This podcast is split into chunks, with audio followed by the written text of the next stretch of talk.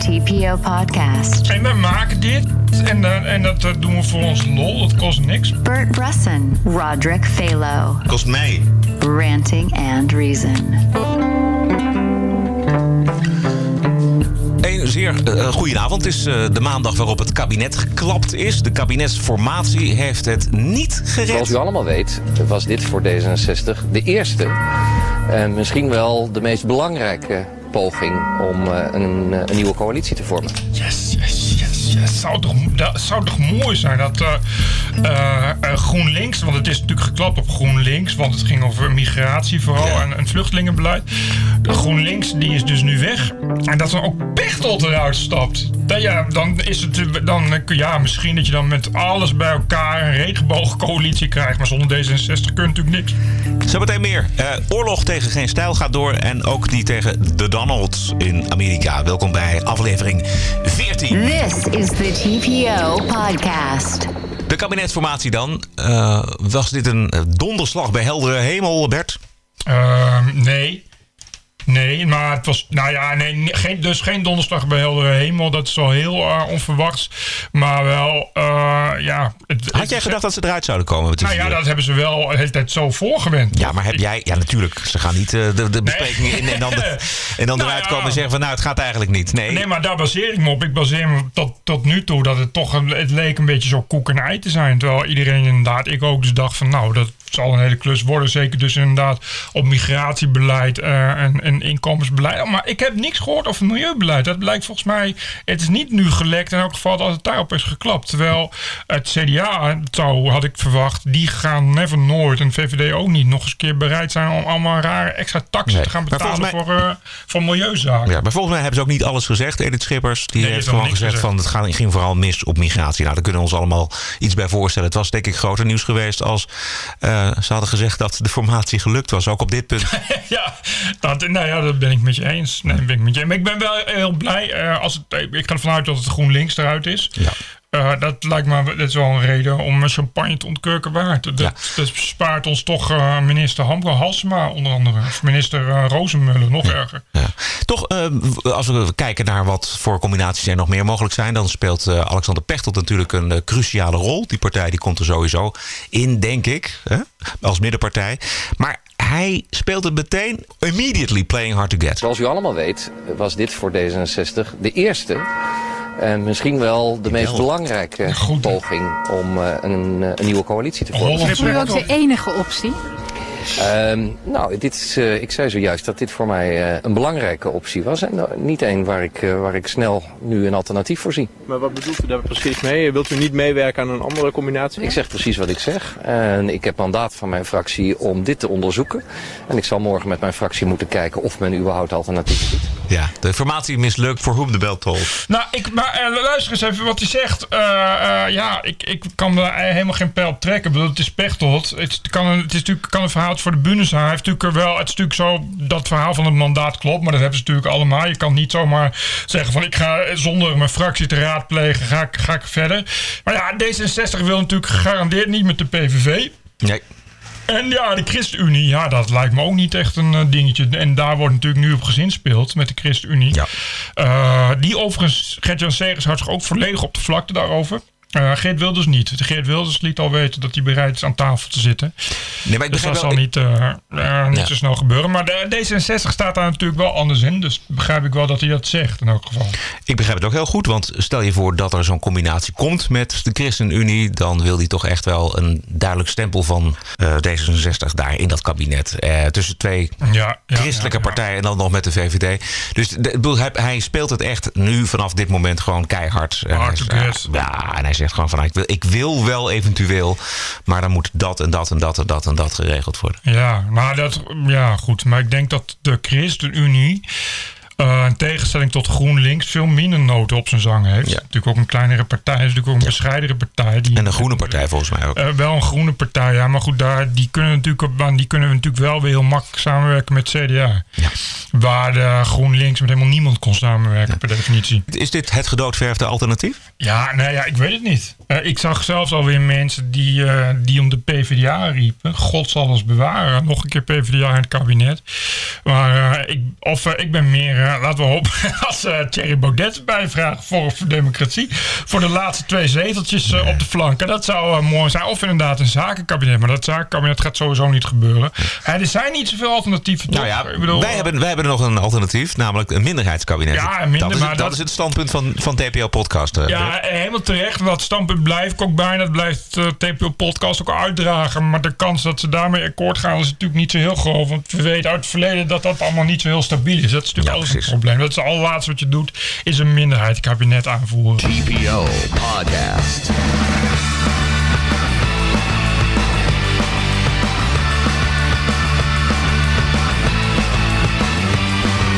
Ranting and Reason. Zometeen de nieuwe fase in de oorlog tegen de Donald in de Verenigde Staten. Maar eerst de oorlog in Nederland tegen Geen Stijl. We gaan zo meteen bellen met Dominique Wezi, voormalig hoofdredacteur van Geen Stijl en oprichter, moet ik zeggen. Eh, maar eerst even luisteren naar de laatste ontwikkeling op het gebied van de oorlog, de strijd tegen Geen Stijl. En eh, die komt van Ineke van der Valk. Ze is gastdocent elk jaar, gastdocent aan de UvA. En daar krijgt ze, dus, ze krijgt subsidie voor om dat te gaan onderzoeken. En ze Wat doet- onderzoekt ze? Ja, islamofobie en discriminatie. Ja, er zijn heel veel, eh, en met name jonge mensen, die, eh, die dit volgen. En die worden er toch door beïnvloed. Dat, eh, zo werkt het gewoon. Zelfs als je dat niet 1, 2, 3 mee eens bent... wordt je mind toch beïnvloed door dat soort negatieve woorden. Zo, zo werkt het gewoon. Ja, nou je hebt het gevolgd de afgelopen weken. Er was weer uh, ouderwets adverteerdersbellen geslagen bij eh, Geen Ja. Stijl. Eh, nou weet ik dat helemaal in het begin van Geen Stijl dat ook al een ding was.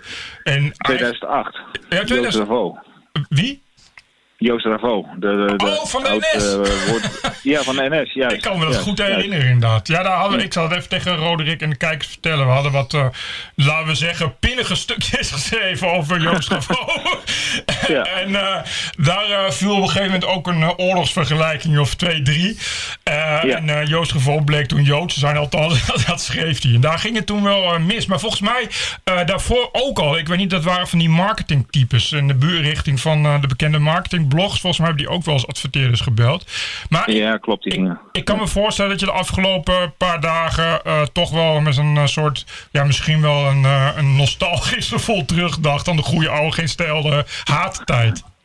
Ja, nou, het- is natuurlijk wel echt. Ik vind het echt buiten alle proporties wat er is gebeurd. En eh, ik, ik heb dat natuurlijk ook al meegemaakt. En jij was er ook bij, eh, Mhm. toen nog bij betrokken. Nou ja, dat, dat, dat, dat, hebben we toen allemaal redelijk. eh weten te downplayen. Maar als je het nu ziet, dan, dan, dan gaat er zo'n golf aan verontwaardiging overheen. En vandaag ook weer zo'n zo'n verhaal. Volgens mij stond het op TPO. Hè, van, gisteren hadden ze dan, is er een, een onderzoek geweest dat op Poont en op geen stel eh Oh ja, van het meest aan moslimbessen wordt gedaan. Ja.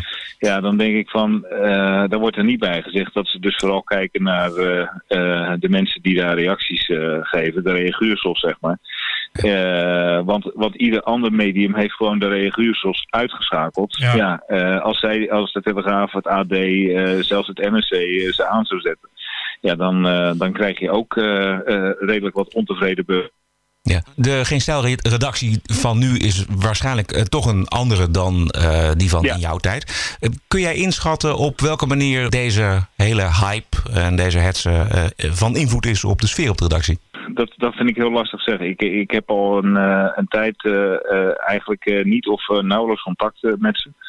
Af en toe met Joris, omdat hij natuurlijk ook een van het eerste uur is. Ja, ik denk dat ze toch wel. eh, ik, ik, ik vind zelf dat ze het niet helemaal slim hebben gedaan. Laat ik dat even voorop stellen. Waarom? Eh, in onze tijd was het zo dat als er een, eh, een, een, een, een stuk over ons werd geschreven waar we het duidelijk niet mee eens waren, dan pakten wij het medium aan. Dus dan hadden we het over, eh, als er bijvoorbeeld de NRC-lezers waren, dan, eh, dan, dan heten we ze welkom op geen stel met de hallo pijprokende, corduroy eh, dragende. Hier vind je porno, daar vind je dat, daar vind je zus. Maar we speelden het nooit echt op de persoon. En dat is wat er nu is gebeurd. En, en, en ja, van zou je haar doen, vind ik niet slim. Maar dat geeft, vind ik, nog steeds geen recht om dan als een, een of andere hysterisch wijf eh, nog eh 101 eh, andere hysterische wijven te mobiliseren om vervolgens te gaan zeggen, en dan gaan we nu alle adverteerders bellen. Dat vind ik zo, dat is, dat is gewoon proberen om, om een, een, een medium monddood te maken. Ja. En dat is, dit, is, dit is niet van, van, van, van gisteren, of dat is niet dat stukje van mevrouw Hetzenberger. eh, wat, er, wat, er, eh, wat, er, wat er twee weken geleden is gepubliceerd. Nee, dit gaat echt al over 14 jaar. En eindelijk zien ze dan even kans Ja. om, om, om, om eh, ja, in een poging om geen stel de mond te snoeren. Wat ze overigens absoluut niet gaat lukken. Nee, want dat, ik zag je dat twitteren van ja, 14 jaar opgekropte frustratie komt weer naar boven. Eh, Ja. en, en, en dat is eigenlijk ook, dat was ook het gevoel wat ik ervan had gehad. Je, kijk, maar dat gevoel, hè, die haat tegenover geen stijl, merk je altijd wel. Want ik weet, eh, toen ik bij jou werkte in 2006, toen eh, hadden we eh een meneer Boogaerts van de Volkskrant. Die had een, Ja. een volkskrantblog.nl. En, en dat was precies hetzelfde. Dat was ook, ik kan me Ja. herinneren dat de gevleugelde uitspraak, de kleuters van geen stijl, er moet een hek om het internet. Eh, Ja. eh, maar het is nu 14 jaar later, Dominique. Dan denk je, daar zijn, mensen moeten daar toch iets in gegroeid zijn. Maar dat wil maar niet lukken.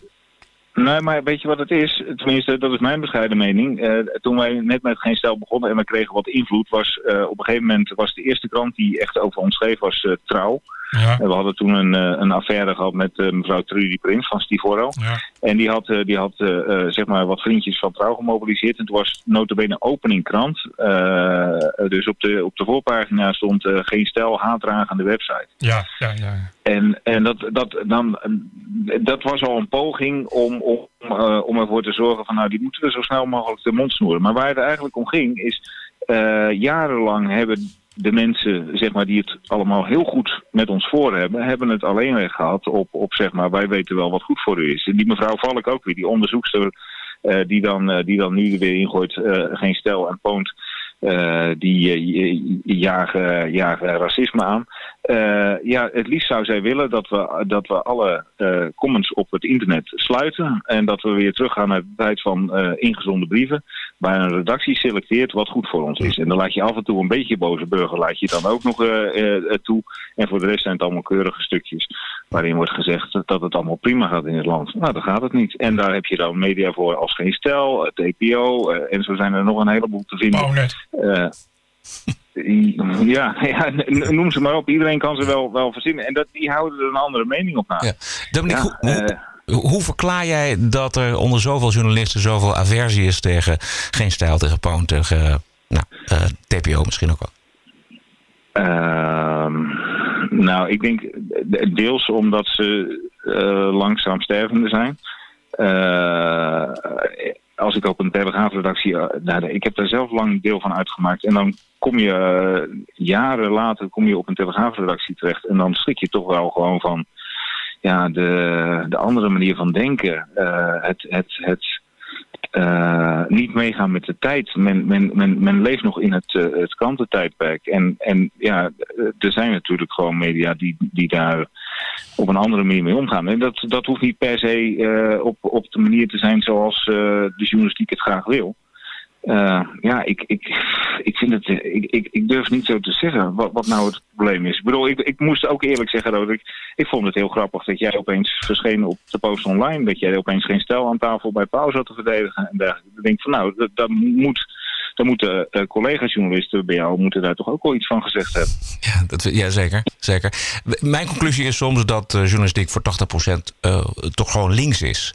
En, dat ja. en, en, en, als je dan een ander geluid hebt, of ik, je zag het bijvoorbeeld heel erg duidelijk op het moment dat geen stijl met geen pijl dat referendum ging organiseren. En ja.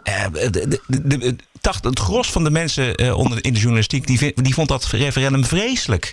Dus ja. we, de, er is een soort schisma aan de gang tussen enerzijds de alternatieve journalisten en anderzijds de, ja. ja de, de, de, keurige journalisten die van de NOS, van de Volkskrant, van NRC Handelsblad. Maar het is, het is volgens mij een politiek schisma. Nou, ik heb een keer. Uh, uh, vroeger bestond dat programma nog. Dat was De Leugen Regeert uh, gepresenteerd. Oh, ja. Of, nou ja, nee, Felix niet Meurs. Maar hij had er een column. onze Francisco van Joden. Francisco. Ja. En toen, toen kreeg ik een keer twee dames bij mij over de vloer. Want we hadden weer iets gedaan of we moesten ergens commentaar op geven. En toen, toen zei ze tegen mij van, wat, ga jij, wat kan jij nog doen later? ja, maar hoe bedoel je? Ja, nou ja, je, je kan toch nergens anders meer terecht. Het is toch het, het, het, meest verschrikkelijke ongeveer wat er bestaat. En dan denk ik bij mezelf van ja, zo, zo is die gedachte dus. Dus, dus uh, geen stijl en poont en, en, noem maar op, dat is echt het afvoerputje. En dan kan je nergens meer terecht. Nou, ik kan je vertellen dat, uh, en dan praat ik maar even voor, voor Poont, maar ook eh, veel, mensen van, eh, van Geen Stijl, die zijn uitstekend uh, terechtgekomen. Sterker nog, Absoluut. als je daar gewerkt hebt, dan... eh, ja, ik, heb, ik heb bijvoorbeeld toen Knevel en Van der Brink nog bestonden... eh, en je werkt bij de, bij de omroep je, met eh, van die eh, zomers eh, dat niemand wat doet. Ja, Eh, dan zaten ze massaal, eh, eh, gingen ze van Ponius door naar Knevel en Van der Brink. Nou ja, eh, ze werden wel in een apart hoekje gezet. Maar eh daar zaten gewoon drie, vier man van het Ponius. En die kwamen dan in september kwamen ze weer terug om eh, dat verderfelijke Ponius te maken. ja. Maar je ziet ook, Nee, ja. dat is ook het voordeel van, van dat soort nieuwe media, dat daar ook de talent, omdat, zo heb ik het ook ervaren hoor, dat heeft iedereen eh, eh, geen stijl. En, en, de online wereld was ook, is ook eh, best wel grenzeloos. We konden onszelf ontdekken, zelf pionieren en dat kan Ja, nog steeds. klopt. En dat is natuurlijk ook de beste manier om je talenten te laten zien. Maar goed, dat zie je nu ook in de... nee, weet je, iemand als Danny Goosen, die natuurlijk van Pownet komt, dat, is, dat vond ik echt een talent. Waarvan ik dacht van ja, die was er bij de VPRO of de VARA, had hij dat niet zo kunnen ontplooien. Eh, nou ja, niet, niet op de manier zoals hij de ruimte bij ons krijgt. Dan word je toch in eerste instantie klein gehouden. En nu, nu kon hij eh, eh, groeien. En, en uiteindelijk maakt hij hartstikke mooie programma's. En, en, en ja, ik vind dat hij bij ons ook hartstikke goede dingen heeft gedaan. Met die diplomaat en dergelijke. Gewoon enorm vasthoudend. Ja, het is Dat een andere manier van journalistiek. Maar je zet het wel op de agenda. En, en dat heeft, eh, wat, wat Roderick ook zegt met, met het referendum. Ja, weet je, je kan, je, je kan er van alles te- van vinden en je kan er tegen ageren. Maar ze hebben het wel voor, mooi voor elkaar gekregen om zoveel mensen te mobiliseren. En vervolgens dat we met z'n allen naar de stembus moet, moeten. Ja, weet je, ik, ik vind dat, dat, is gebruik maken van de mogelijkheden die er zijn en het uittesten daarvan. Ja, dat zouden er meer moeten doen. Wat me opviel, eh, was bij eh, toen dat geen pijl eh, na het referendum, hè, toen, toen Bart Nijman samen met Jan Dijkgraaf voor geen pijl ging, wat dat ze Ja. echt dagelijks belaagd werden met termen racist, fascist en dat soort dingen. Terwijl ja, geen pijl kon je een hoop van vinden, maar dat dan weer niet. Dus dat is wel echt, echt zo neutraal als de neten. En Ja. ik, ik heb echt het idee, eh, en net als die vrouw die zegt van ja, wat kun je hierna nog doen? Dat is hetzelfde als dat je bij de PVV werkt. Dan moet je ook maar hopen Ja. dat je in je toekomst... Ja, klopt. Het is, allemaal, het is allemaal één hoek. Dan ben je rechts en dan ben je automatisch ook een racist en een fascist. Terwijl, ik heb helemaal niet het idee, en dat, als je die mensen kent en jij kent ze ook, is dat wel het laatste waar je aan denkt. En dat is het, vind ik het echt, echt het verontrustende van. Heb je, maar eh, jij hebt nu, je doet nu Pownet en daar zien we de beelden ook van. Ik vind toch wel dat het soms gewelddadig is. Heb je het idee dat het ook is geworden de laatste jaren? Of in elk geval kwaadaardiger vanuit een bepaalde hoek? Naar verslaggevers toe. Ja, Ja, dat klopt. Daar maak ik me ook wel zorgen over. Ja. En eh, soms dat je ook door de politie wordt afgeraden. Nou jongens, ga maar weg, want eh, ze vinden jullie niet zo leuk. Ik denk ja, maar volgens mij hebben zij een, een demonstratie aangevraagd op openbare weg. Ze willen daar graag aandacht voor. Dus dan kom je daar om, eh, om een vraag te stellen en dan word je vervolgens te kennen gegeven van nou het is niet veilig voor jullie. Ja, dat, dat is, eh, het, het, het, laat ik het zo zeggen, wij hebben daar best wel wat, wat problemen mee. En, eh, en, en er wordt eh, regelmatig wordt er ook, wordt er ook wel naar onze verslaggevers toe, of zowel ja, bij monden dan wel echt fysiek geweld gebruikt. En dat, dat vind ik heel kwalijk. Ja. Heel kwalijk. Maar dat, dat zie je ook weer bij, bij de opkomst bijvoorbeeld van, van, van Thierry. Ja, jongens, Ja, laten we eerlijk ja. zijn. Eh, die, die jongen komt net kijken. En wat je er ook van kan vinden, die wordt met een partij weggezet. Ja, het is voor, van. fortuin all over again, zou ik zeggen. Ja, ja. ja. Dominique, Dominique, we- we- even een, een blik in, naar de komende vijf jaar. Hoe, hoe gaat de journalistiek, denk jij, veranderen? Ehm, wat omroepen betreft, wat, wat websites betreft. Eh, Wordt het meer of minder geen stijl? Ehm, dat vind ik een hele lastige. Ik, eh, ik hoop. eh, eh, je ziet wel dat er een enorme beweging is geweest. Hè, wat geen stel vroeger deed. En, dat is ook een beetje bij Poont. Dat is ook wel een beetje ons probleem. Is, iedereen is opgeschoven toch meer onze kant op. En daardoor wordt het lastig om jezelf te onderscheiden. Dan kan je wel inderdaad op televisie of op een website je broek laten zakken om nog onderscheidend te zijn. Maar ik denk niet dat dat gaat werken. Dus dat gaat, heeft het zijn werk al gedaan.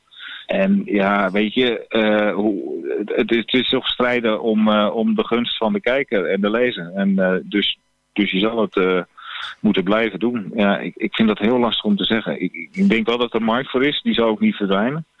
Maar het, zou, het zou ook goed zijn om, om, om, om eens een keer een, een echt goede linkse site te hebben of zo. hè. Dat je een beetje tegen elkaar kan aantrappen. Nee, Nou, niet we hebben ik toch al? Ja, maar... Nee, maar- ik, ik had het over goede linkse site. Oh, oké. Maar jij denkt, jij denkt als naarmate de reguliere media meer brutaler worden en dingen gaan overnemen van geen stijl, dat geen stijl zich dan nog extremer gaat opstellen?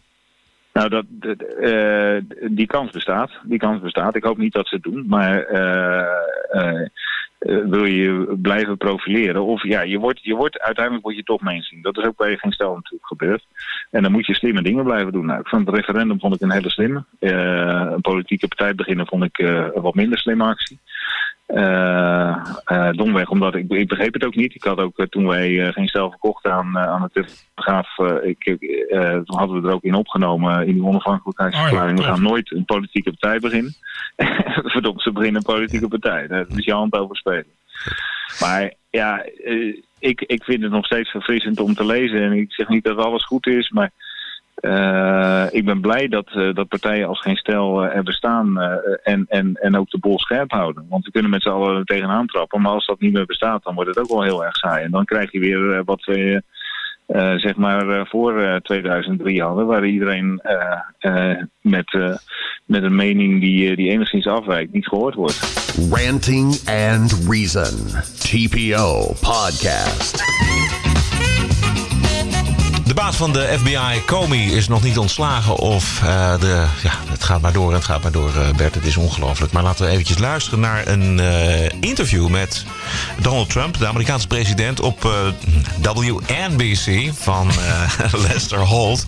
Lester Holt is een, die is niet voor één gat te vangen. En het interview gaat natuurlijk over het ontslag van Comey. He's a showboat. He's a grandstander. The FBI has been in turmoil. You know that. I know that. Everybody knows that. You take a look at the FBI a year ago, it was in virtual turmoil less than a year ago. It hasn't recovered from that. Monday, you met with the Deputy Attorney General Rod Rosenstein. Right. Did you ask for a recommendation? Uh, what I did is I was going to fire Comey. My decision. It was not. You had made the decision before they came in the room. I, I was going to fire Comey. Uh, I, there's no good time to do it, by the way. Uh, they because in your letter you said I, I accepted accepted their recommendation. Yeah, well, so you had already made the decision. Oh, I was going to fire regardless of recommendation. So there was really They-. He made a recommendation. He's highly respected, very good guy, very smart guy. Uh, the Democrats like him, the Republicans like him. Uh, he made a recommendation, but regardless of recommendation, I was going to fire Comey. Let me ask you about your termination letter to Mr. Comey. You write, I greatly appreciate you informing me on three separate occasions that I am not under investigation.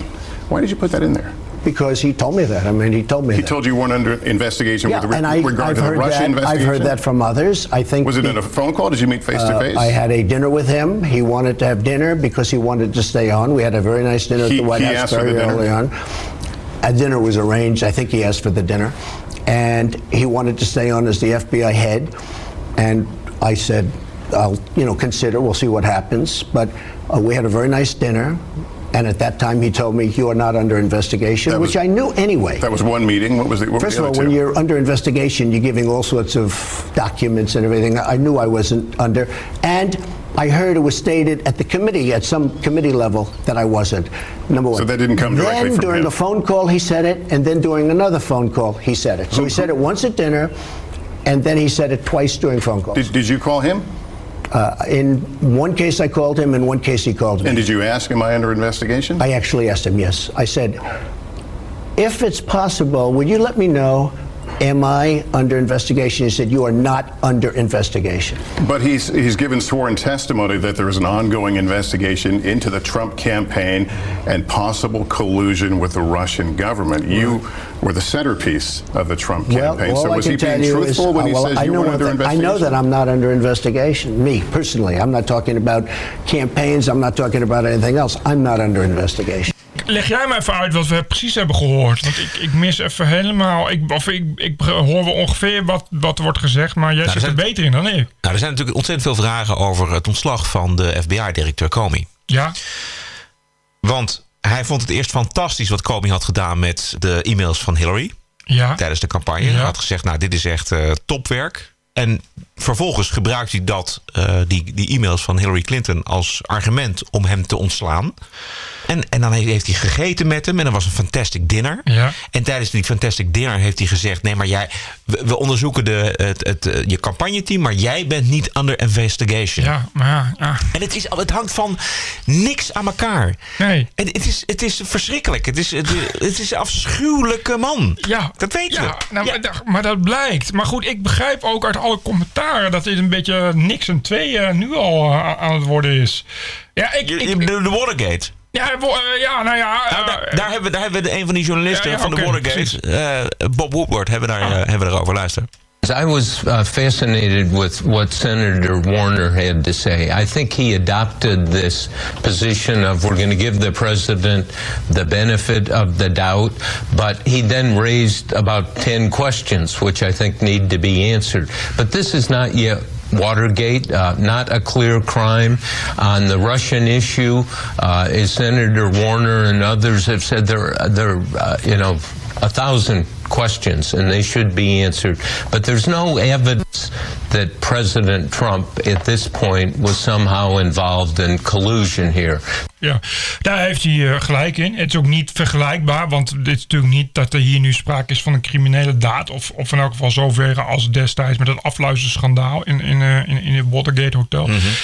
Maar ja, het, het, ik begreep wel, ik ben nogmaals, ik baseer me ook maar op hoor, wat ik lees. Eh, ja, die op de- de- deze manier die directeur ontslaan, eh, eh, met wat er vooraf is gespeeld, hè, dus met, met, met, met, met nou, die verbindenissen met de Russen en, en de mogelijke, mogelijke implicaties daarvan, dat is wel heel slecht. Het is wel toch echt bijna echt een crisis. Dit is wel iets.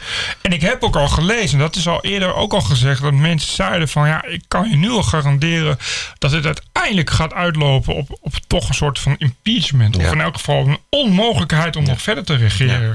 En als je hem dan nu inderdaad zo hoort, net in dat interview met WNBC, ja, dan begrijp ik wel een beetje wat die mensen zeggen. Ja. Want als je dus nu, eh, eh, eh, weet je, kijk, dat het probleem heeft hij ook wel een beetje zelf gecreëerd.